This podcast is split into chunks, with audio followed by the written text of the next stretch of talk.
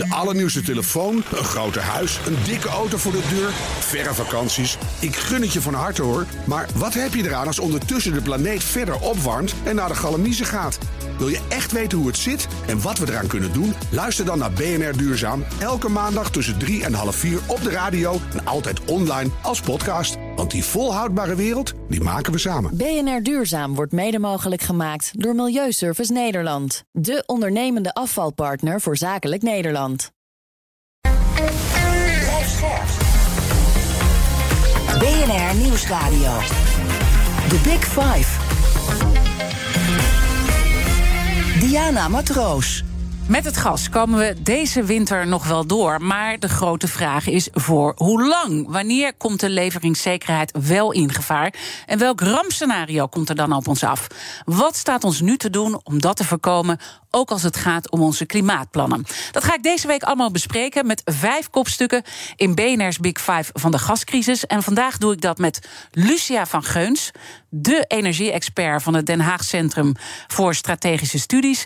En ze is ook voormalig voorzitter van het Koninklijk Nederlands Geologisch Mijnbouwkundig genootschap. En ze zit mij heel instemmend aan te, aan te kijken, want uh, het is nogal een lange, lange titel. En uh, uh, je hebt ook 22 jaar bij Shell gewerkt, heb ik begrepen. Dus al met al, nou ja, zit je helemaal in deze wereld. Welkom, fijn dat je er bent, Lucia. Dankjewel, Diana. Ik ga zo meteen natuurlijk met je hebben over de explosies bij de gaspijpleidingen van Nord Stream. En ook het hele onderzoek dat daar nu plaatsvindt. Maar voordat ik dat ga doen, wil ik twee dingen van je weten. En het eerste is, wat is nou het domste scenario wat je in de afgelopen maanden voorbij hebt zien komen? Oh, dat vind ik een moeilijke vraag. Ik, ik geloof niet in, in domme dingen. Hè. In principe zit er altijd wel iets goeds bij. Hè. Maar ik denk al met al, wat we, uh, wat we uh, nu wel goed, laten we zeggen, wat we goed hebben gedaan, is dat die gasvoorraden, of in ieder geval de ondergrondse opslagen, goed zijn opgevuld. Dat is heel erg belangrijk. En dat we enorm hard hebben getrokken aan energiebesparing. Want dat is heel erg belangrijk. Dus ik denk, ik denk als je dat niet belangrijk vindt, energiebesparing, dan is dat dom. Oké, helder. Het tweede wat ik van je wil weten. Um, nou ja, ik zei al, je kent die energiemarkten als geen ander. En dan ben ik altijd heel erg benieuwd. Waar ben jij nou het meest mee bezig? Waar filosofeer jij over? Wat fascineert je nu met name? Ja, toch wel heel erg van waar het naartoe moet. En met name in de komende tien jaar. Hè. We gaan naar een energietransitie, heel belangrijk. We hebben dat punt op de horizon, hè, dat we in principe geen CO2 meer willen uitstoten al in 2050. Dat moet wel om in 2100 niet te veel die temperatuur te laten stijgen.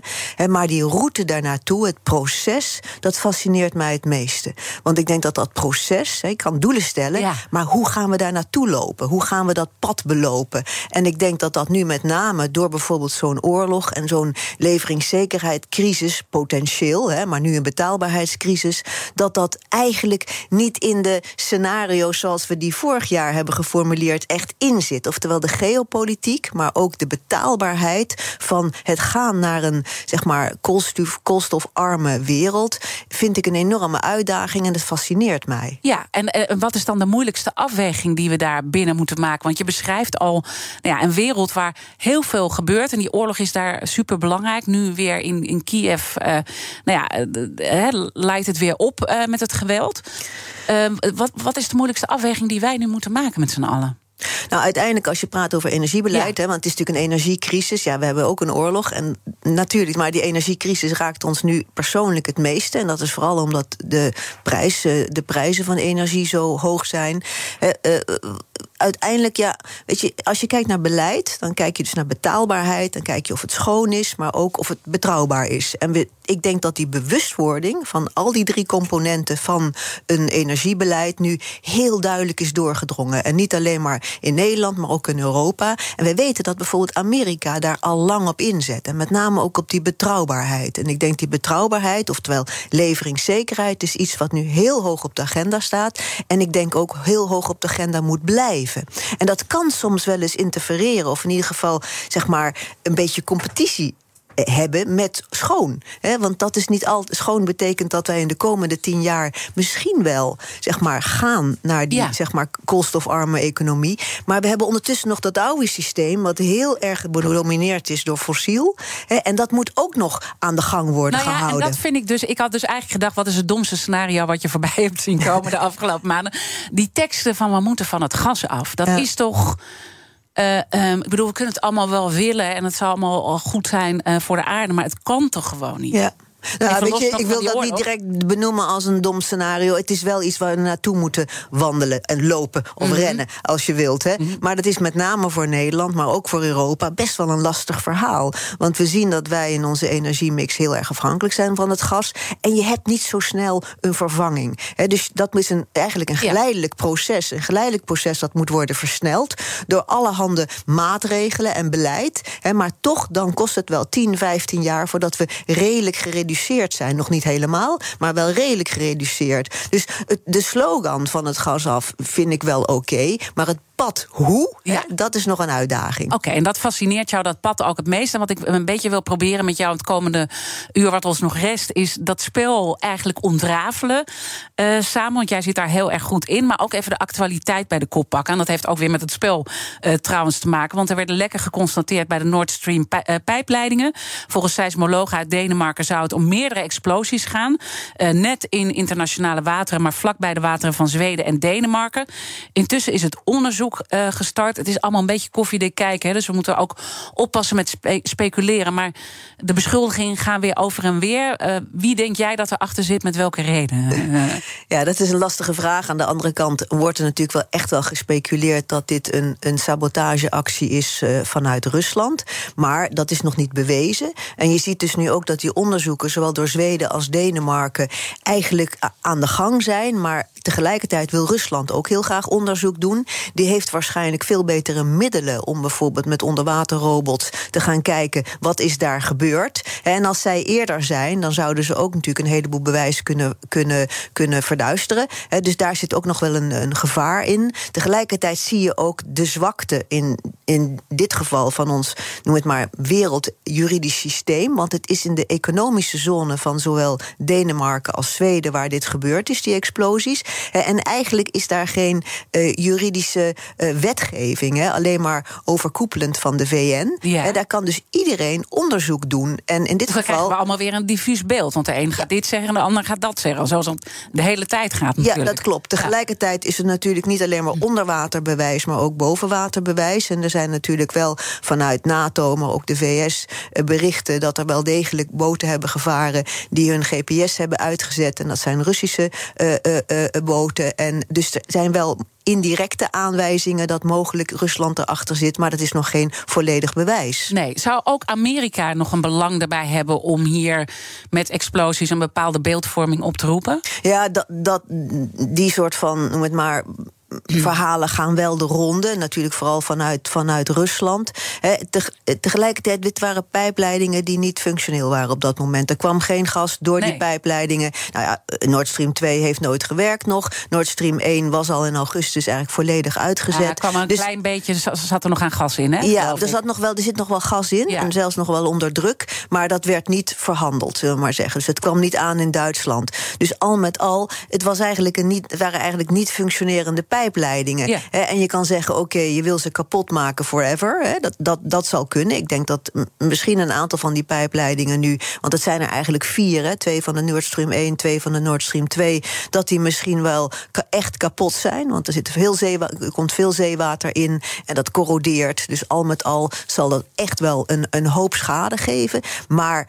Um, of Amerika er nou echt belang bij heeft om die nu kapot te maken, ik, vind dat eigenlijk een niet echt redelijke veronderstelling. Nou, eh, eventueel aan de andere kant, hun grootste belang van Rusland is om onrust te zaaien. En dan met name om te laten zien van jongens, jullie op het Europees continent hebben vitale infrastructuur die ook heel kwetsbaar zijn. en ik laat dat gewoon hierbij zien. Hè, Weliswaar net buiten de, territoria de, territoriale wateren. Maar al met al gaf het heel veel en geeft het heel veel onrust. Hè, want wij kijken allemaal nu ook. Die psychologische oorlogvoering is natuurlijk ook heel belangrijk. Ja, en, en die onrust, als je, als je naar een patroon kijkt van de afgelopen zes maanden, dan zie je dat het onrust zaaien, bijvoorbeeld door echt mondjesmaat elke keer die gastoevoer weer iets af te knijpen, dat geeft onrust. Het geeft onrust in de markt in Europa. Dat geeft hogere prijzen. En dat is misschien precies wat, uh, wat in dit geval de bedoeling was. En wij moeten natuurlijk uh, zijn uitgeweken naar Noorwegen. Hè. Daar komt een belangrijk deel van ons gas nu vandaan. Daar zijn dan weer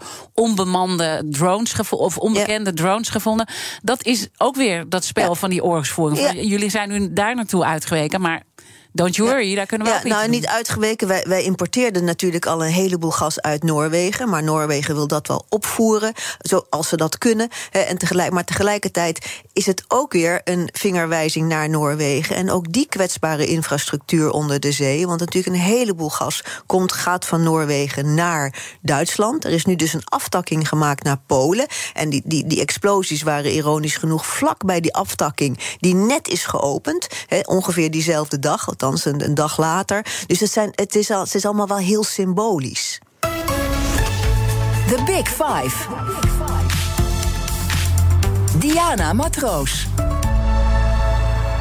Mijn gast is Lucia van Geuns, de energie-expert verbonden aan het HCCS. Uh, laten we ook even helemaal teruggaan uh, naar het begin uh, van de gascrisis. Want vaak kan je daar ook bepaalde dingen leren. Waardoor je ook de toekomst wat makkelijker kunt voorspellen. Vanaf de zomer van 2021 begon Rusland langzaamaan steeds minder gas te leveren aan de Europese Unie. Had men dat toen al door op die energiemarkt? Want ik kan me vooral nog de teksten herinneren.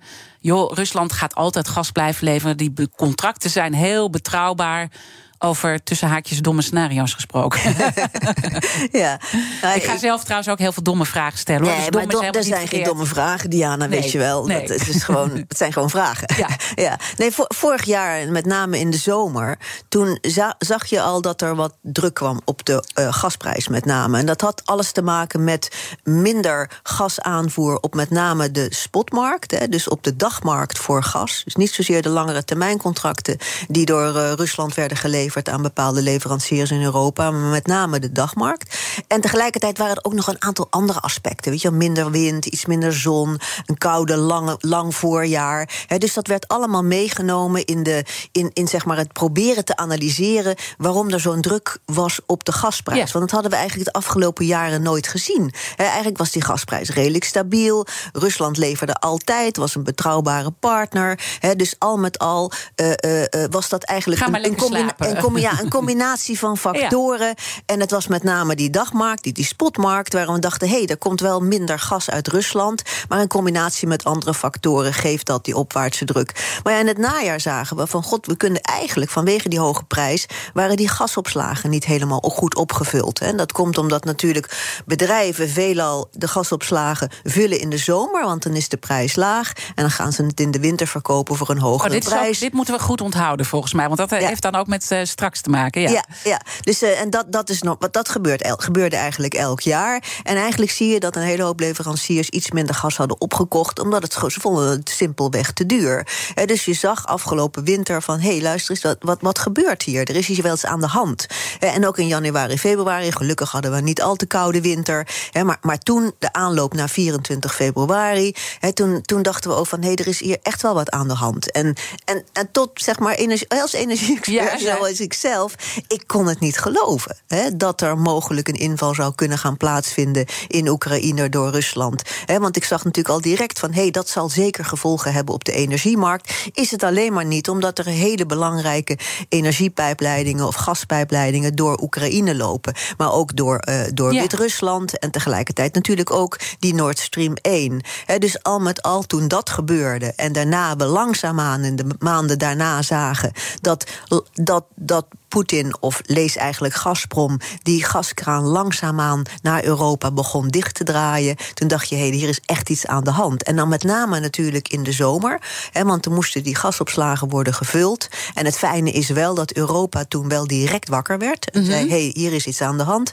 We moeten met z'n allen proberen en ook bijna forceren als, als, als Europese overheid, maar met name op nationaal niveau, om die gasopslagen goed te vullen. Nou, en dat, gaat dus eigenlijk best goed. Hè? Dus zo begon ik ook mijn intro. Deze winter komen we, uh, als het goed is, allemaal wel door. Wel, weliswaar, uh, nou ja, we hebben met hogere prijzen te maken gehad. Daar zijn we ook nu allemaal oplossingen uh, voor bedacht. De vraag is, gaat het op tijd in allemaal? Maar goed, we, we, we, zullen er het wel strugglend een beetje doorkomen. Ja. Um, maar maak jij je nou zorgen over uh, volgend jaar? Ook wetende dus dat die bedrijven altijd in de zomer groots gas gaan inkopen. Ja, nou, nog eventjes een stapje terug. Ja. Dus wat is er gedaan voor deze winter?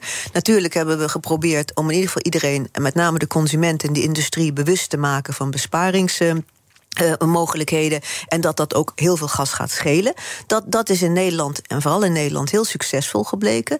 Eh, oftewel, we besparen tussen de 15 en 20 procent nu op ons gas. In ieder geval de afgelopen periode. En tegelijkertijd hebben we geprobeerd veel meer vloeibaar gas aan te trekken. Als vervanging voor dat Russische gas wat is afgeknepen. Dat LNG is dat. Ja, LNG. En precies. daar zijn wij ook uh, geschikt voor om dat eigenlijk te kunnen ja. bewerken. Hè? Dat kan ja. niet iedereen. Dus nee. dat is in ons voordeel. Ja, wij hebben één importterminal, dat heet Gate. En tegelijkertijd heeft GasUnie ervoor gezorgd dat er ook nog twee kleine uh, uh, uh, drijvende fabrieken bij de Eemshaven zijn aangetrokken. En dat is een goede zaak. Dat betekent dat de infrastructuur er ligt. En tegelijkertijd hebben we ook heel erg voortvarend zeg maar geacteerd om die opslagen die we hebben, en die wij gelukkig hebben in Nederland, hè, dat is Bergenmeer, Noord, ja, Alkmaar is ja, dat, en, en Grijpskerk, en die zijn allemaal gevuld. En die zijn gevuld niet tot 80 procent, zoals de EU eigenlijk heeft opgelegd, maar zelfs tot 90 procent. Dus wat dat betreft zijn we goed voorbereid ja. voor de komende winter. Maar. maar vergeet niet, we hebben natuurlijk die opslagen gevuld met een heleboel gas wat nog uit Rusland kwam afgelopen. Want dat, er kwam nog wel best wel wat gas uit, uit Rusland. En vooral ook door de Nord Stream.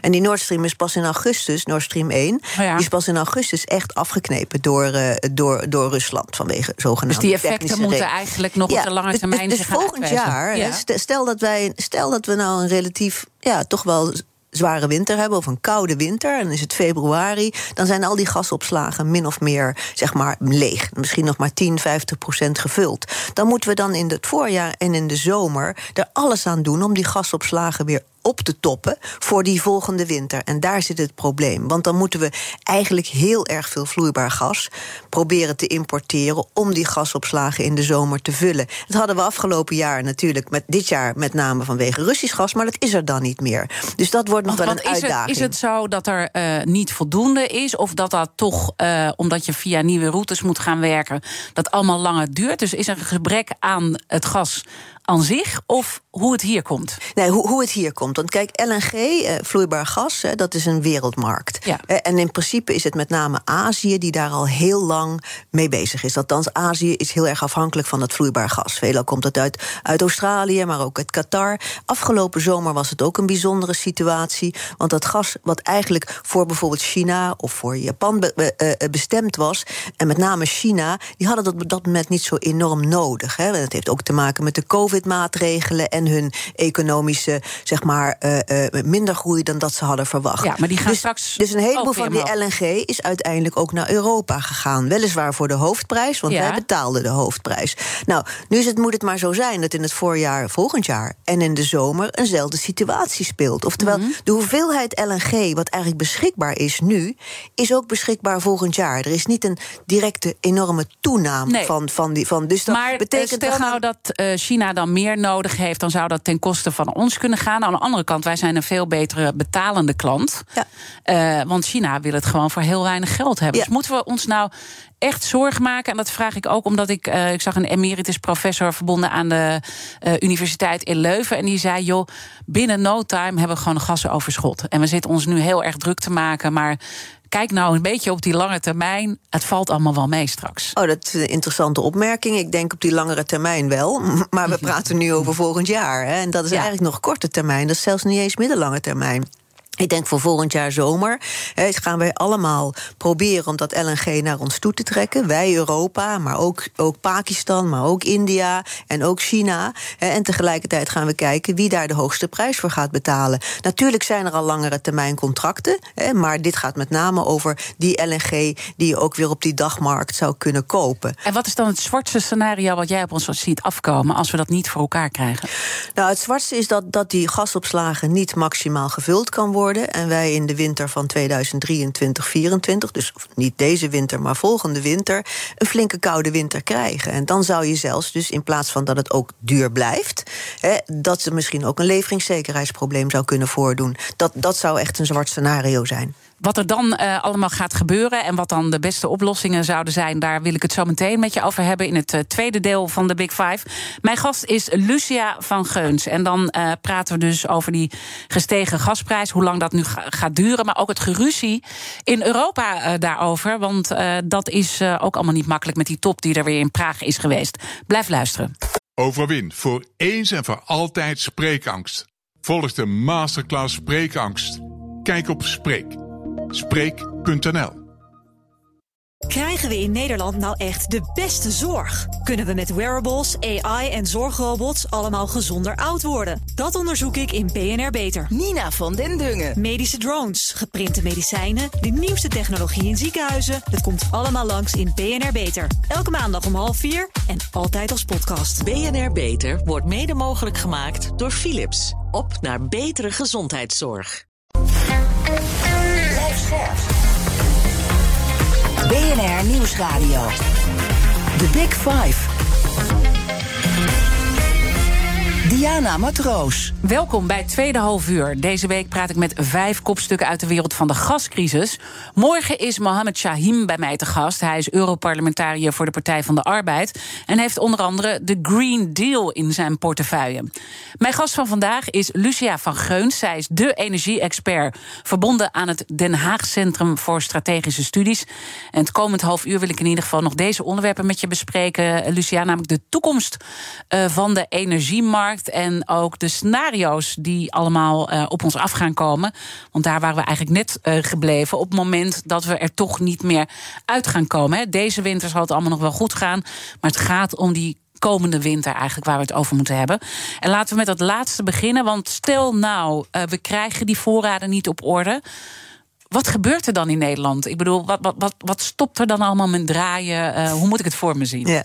Ja, nou eigenlijk, eigenlijk al in de afgelopen maanden zijn er maatregelen genomen. Zeg maar de eerste stap in de noodmaatregelen. Bijvoorbeeld dat er kolencentrales aanstaan, zodat de gascentrales iets minder kunnen draaien, oftewel minder gas verbruiken. Dus dat is al gebeurd. En tegelijkertijd is achter de schermen ook gepraat met energie-intensieve industrie. Mm -hmm. En gekeken van wat als, hè, wat als er echt een tekort gaat ontstaan. Hè, want vergeet niet, deze winter zal er zeer waarschijnlijk geen tekort ontstaan. Zeker niet voor de consumenten. Maar je ziet nu al bij de industrie dat door die enorme hoge prijzen er al een aantal partijen afhaken. Gewoon puur omdat ze het niet meer kunnen rooien met deze prijs. Dus er is al wat, noem het maar, vrijwilligers, maar dan vrijwillige afschakeling, maar dan tussen aanhalingstekens. Puur omdat dat is de prijs. Dus dat gebeurt ook al. Maar tegelijkertijd zijn er uh, achter de schermen, dan zeg ik echt bij nadruk achter de schermen, omdat het voor mij niet helemaal duidelijk is um, uh, gesprekken gevoerd met energie-intensieve uh, industrie. Van wat als? En bijvoorbeeld wat als zelfs al deze winter er weer een sabotage of op een een of andere manier een, een, een, ja. een, een, een probleem komt met de aanvoer van gas. Dus dat kan nou. eigenlijk al eerder, hè? want dat is natuurlijk het lastige. Ja. Er kan elke keer wat, wat gebeuren. Ja, want ja. dat is bijvoorbeeld bij die Nord Stream 1. Dan zie je dat die vitale infrastructuur, hè, bijvoorbeeld die grote gaspijpleiding vanuit Noorwegen naar Duitsland, hè, als daar iets mee gebeurt, ja. ja. dan hebben we een heel groot probleem. Hè, dus al met al, dan moet je eigenlijk die plannen wel klaar hebben liggen. En die liggen ook klaar. Die liggen klaar zeker bij ons op nationaal niveau. Hoe dat precies gaat worden uitgewerkt, is voor mij ook niet helemaal duidelijk. Maar dat betekent wel dat er mogelijk een aantal industriepartijen worden afgeschakeld. of voor een tijd worden afgeschakeld. En daar moeten waarschijnlijk ook wel weer compensatiemaatregelen tegenover staan. Dat kan ik me voorstellen. Hoe precies is mij niet duidelijk. Hè, maar dat, is wel, uh, uh, uh, dat wordt wel besproken. Maar wat zouden we concreet van kunnen merken? Want ik probeer dan ook gewoon voor me te zien. wat gaan wij er in de praktijk van merken? Ja. Misschien dus toch al deze zomer als er gekke dingen gebeuren ja, onderweg. Nou, ik denk als als consument merken we er weinig van, anders dan alleen maar een hele hoge prijs. En dat is al vervelend genoeg. En er worden natuurlijk hier ook weer maatregelen genomen vanwege die, dat prijsplafond voor de consument. Maar ik praat nu ook over de groothandelsprijs. Dus je kan je, voorstellen dat op EU-niveau mogelijk daar ook een een prijsplafond wordt afgesproken. Nou, daar gaan we, over, gaan ja. we het straks nog over hebben. He, maar al met al zou, zou je kunnen bedenken dat er bepaalde industrie wordt afgeschakeld. En dat dat dus betekent dat er minder gas wordt gebruikt in de industrie. En dat zal dan zeer waarschijnlijk niet ten koste gaan van bijvoorbeeld een probleem bij de consumenten.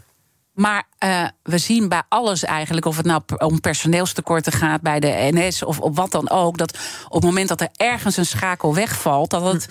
Uh, wel ja. degelijk voelbaar is uh, bij consumenten. Dus denk je ja. echt, ik bedoel, bepaalde producten kunnen dan gewoon niet meer op tijd gemaakt worden. Ja, nou, waardoor, dat is een heel goed punt. En ik, ik, hoop ook oprecht dat die besprekingen die zijn uh, gevoerd met de energie-intensieve industrie. En dan praat je over Tata Steel, dan praat je over chemische industrie en petrochemische industrie en, en, en raffinaderijen. Dat, dat, dat ze wel kijken langs die hele keten waarin zij actief zijn. Want als er één schakeltje uit die keten het pro een probleem heeft, dan heeft die hele keten een probleem exact. en uiteindelijk ook de consument. Dus ik hoop oprecht, en je ziet het al een heel klein beetje fout gaan, bijvoorbeeld bij de, bij, bij de kunstmestindustrie. Hè, en en uh, uh, het maken van uh, ammonia, hè, dat, dat is een heel energie-intensief proces. En je ziet bij Yara in, in Zeeland al dat er grote problemen zijn. Hè, dus al met al, en dat kan dan uiteindelijk ook weer zijn, zijn directe effect hebben op de voedselvoorziening. Niet alleen maar in Nederland en Europa, maar ook daarbuiten. Want kunststof, kunststof kunstmest wordt ja. heel erg duur.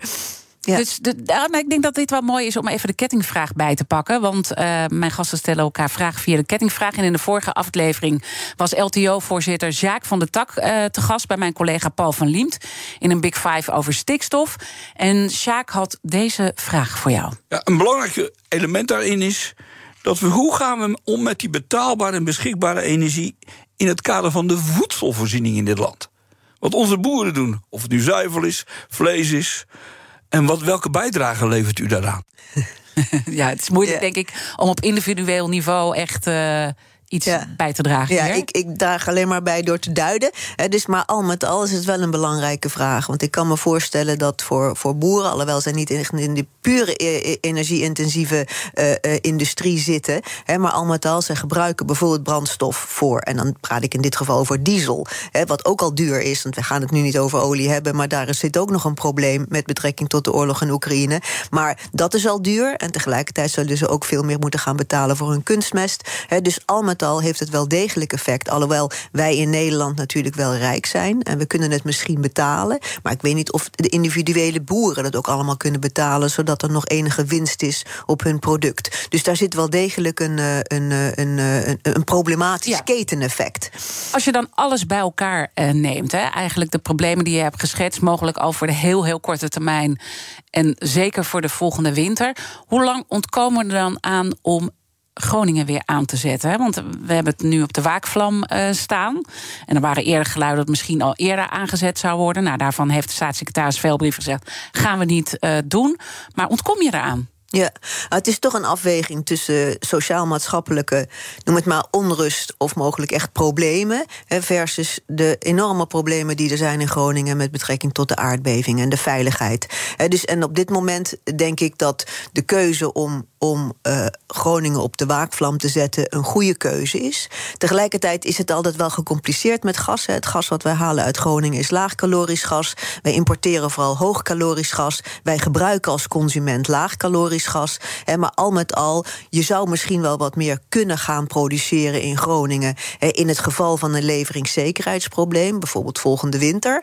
Maar dat is ook maar beperkt, omdat een heel groot deel van ons infrastructurele, noem het nou alle pijpleidingen. We zouden dan ook een heleboel veel meer moeten uitvoeren naar, naar, naar Duitsland. En daar zitten ook beperkingen in. Dus je moet het wel zien in het grote geheel van de Noordwest-Europese, ja. of eigenlijk Europese maar gasmarkt. soms iets te simpel. Hè? Het is niet zo ja. dat al het gas wat wat, wat van hier is ook hier blijft. Want we hebben gewoon ook afspraken op Europese. ja, want een heel groot deel van het gas wat wordt geïmporteerd op dit moment in, in Nederland is veel meer dan dat wij eigenlijk nodig hebben. Maar dat komt ook omdat partijen inkopen via bijvoorbeeld Gate, hè, ons LNG-terminal in Rotterdam. Maar ook nu straks via die, die drijvende vloeibaar gasfabriekjes die bij de Eemshaven liggen. Maar dat is niet allemaal bestemd voor Nederland. Dat gaat uiteindelijk ook naar consumenten of naar producenten, of in ieder geval uh, handelaren in, in Duitsland uh, en in de rest van Europa. He, want het is uiteindelijk één grote markt. Het is een geliberaliseerde Europese markt. En daar wordt gehandeld en gewandeld, zullen we maar zeggen, met het gas. En dan komen we denk ik ook op uh, het hele Europese probleem en het geruzie wat ontstaat met Nederland en Duitsland die tegen een Europees prijsplafond zijn. Maar de zuidelijke en oostelijke lidstaten en België die zijn juist weer voor. wie heeft er gelijk? nou, dit is, een, dit is een, een, een, lastig verhaal. Het is niet voor niks dat ze er niet uit zijn gekomen in Praag, de, de Europese ministers. want, want uiteindelijk praat je over een, een, een EU-prijsplafond. Over al het gas bijvoorbeeld wat je importeert, of mogelijk alleen maar voor vloeibaar gas.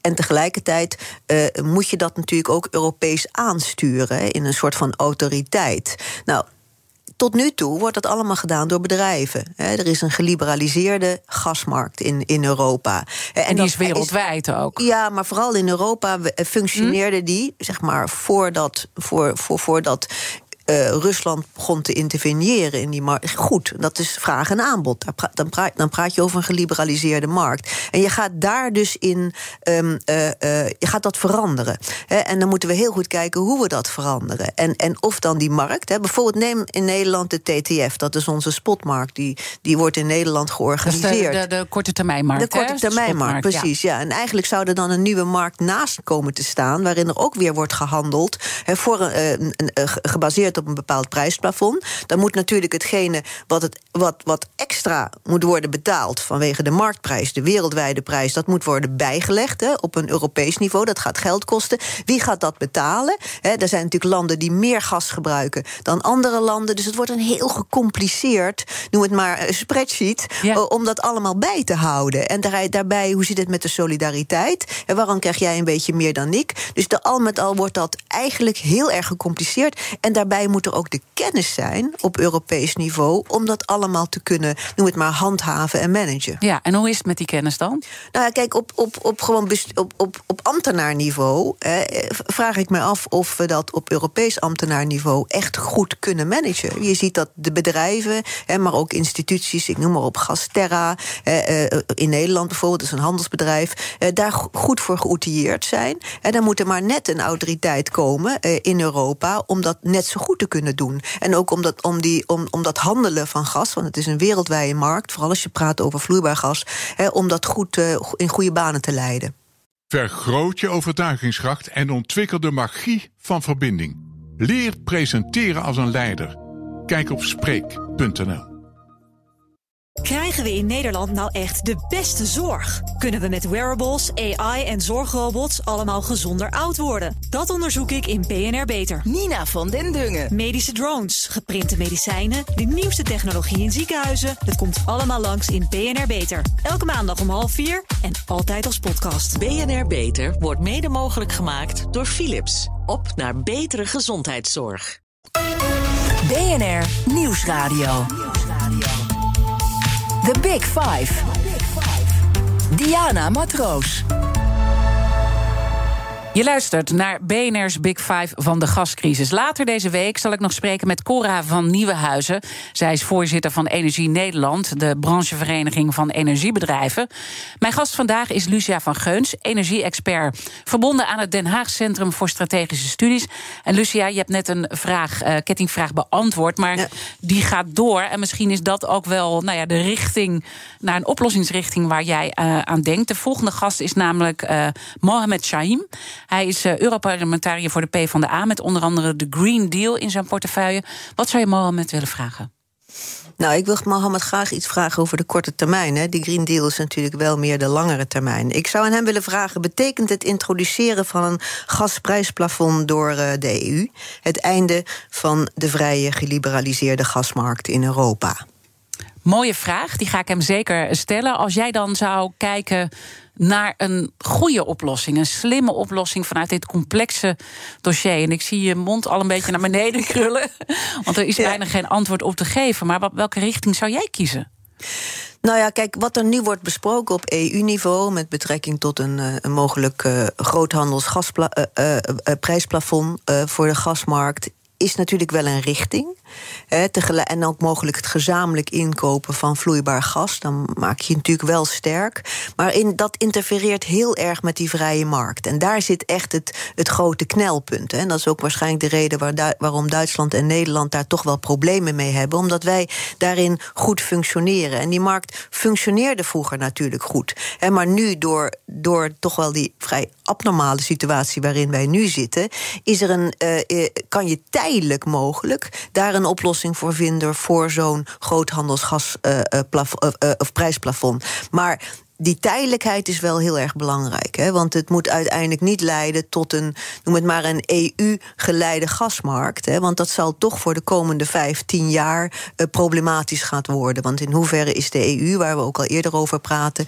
daar ook echt goed toe, toegerust hè? Om, om dat goed te kunnen overzien. En om te kijken of inderdaad elk land wel zijn juiste deel krijgt van die hoeveelheid gas wat we samen inkopen. Of wat we samen onder een eh, gasplafond uh, kopen. Dat, dat benoemde je ook. En tegelijkertijd geeft het natuurlijk ook de ongelijkheid uh, aan die we met ook. Hè, ik bedoel, die, die, die zuidelijke lidstaten en die, die, oostelijke lidstaten hebben gewoon een veel groter probleem. Wij hebben veel meer geld om onze eigen inwoners te helpen. Dat klopt. Ja, en daarbij zit er ook natuurlijk. Wij hebben ook heel veel gedaan in Europa om de infrastructuur goed met elkaar te laten uh, of te verbinden. Maar je ziet dat in de zuidelijke staten, met name in Spanje, er nog een probleem is. Zij kunnen eigenlijk het gas wat zij invoeren, en zij hebben heel veel LNG-terminals, bijna zes. Hè, maar die zijn niet maximaal vol. Want ze kunnen dat gas niet doorvoeren en doorverhandelen via Frankrijk naar de rest van Europa. Vanwege die infrastructuur. Je kan niet ja, zomaar even iets, iets nee, er is, omzetten. Er is één, één pijpleiding aan de, aan de westkant van de Pyreneeën. En er zou eigenlijk nu een, nog een nieuwe pijpleiding moeten worden gebouwd. De midcap naar, naar Frankrijk aan de,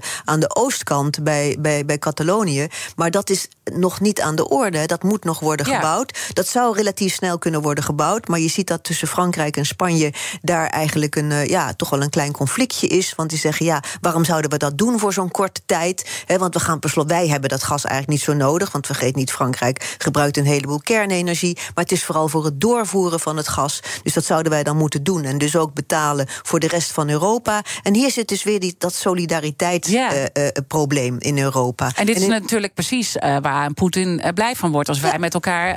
oh, da, dat is precies wat Poetin wil. Die wil eigenlijk die hele solidariteit die we nu echt proberen uit te stralen als Europa, daar zoveel mogelijk in te, noem het maar, in te jennen, om, dat, uh, om daar uh, een beetje conflict te genereren. Ja, en, wa en wat is dan uh, ja, een belangrijk recept om dat te voorkomen? Moeten we dan toch die zuidelijke en oostelijke lidstaten gaan helpen met, met financiële steun? Ja, dat zou een mogelijkheid zijn. En, die, en, die, en dat prijsplafond zou ook daar een, eh, een, een mogelijke oplossing zijn. Maar nogmaals, zolang het tijdelijk is en zolang het op een hele goede manier wordt, ge, uh, wordt, wordt gemanaged. Ja uiteindelijk, als we dan nog een stapje verder in de toekomst uh, nemen. We hadden natuurlijk allemaal, en daar ga ik de, natuurlijk morgen ook wel um, uh, over praten met onze Europarlementariër. Die Green Deal. Hadden allemaal prachtige plannen. Het Internationaal Energieagentschap is ook met een dik rapport gekomen met de titel Net Zero by 2050.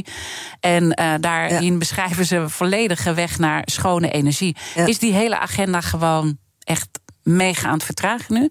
Met alles wat er nu gebeurt? Nou, het hoeft niet noodzakelijk okay. hoor. Het kan zelfs zo dat een aantal aspecten zelfs versnellen. Hè. Ik, bedoel, ik denk dat met betrekking tot besparing eh, er een enorme bewustzijn is. Ik denk dat aan de vraagkant, daar kunnen we heel veel winst maken. Hè, als zowel de consumenten, maar met name ook de industrie, die dus eigenlijk eh, het meeste gebruikt aan gas, zich bewust is dat, er, dat, dat we minder gebruiken. Maar dan moeten natuurlijk wel schone alternatieven komen. Dan moeten we niet terug naar kool. Want dat is eigenlijk weer een, een, een stap terug. Hè, maar tegelijkertijd aan, aan de vraagkant heel erg duidelijk maken van jongens, we moeten dit echt gaan veranderen. Dus dat is één. En tegelijkertijd, weet je, naar, dat noemen ze Fit for 55 in 2030. Dan moet er 55% minder CO2-uitstoot uh, in, de, in Europa komen. En dat is eigenlijk de weg naar die Green Deal, waarin we volledig CO2-arm zijn in 2050.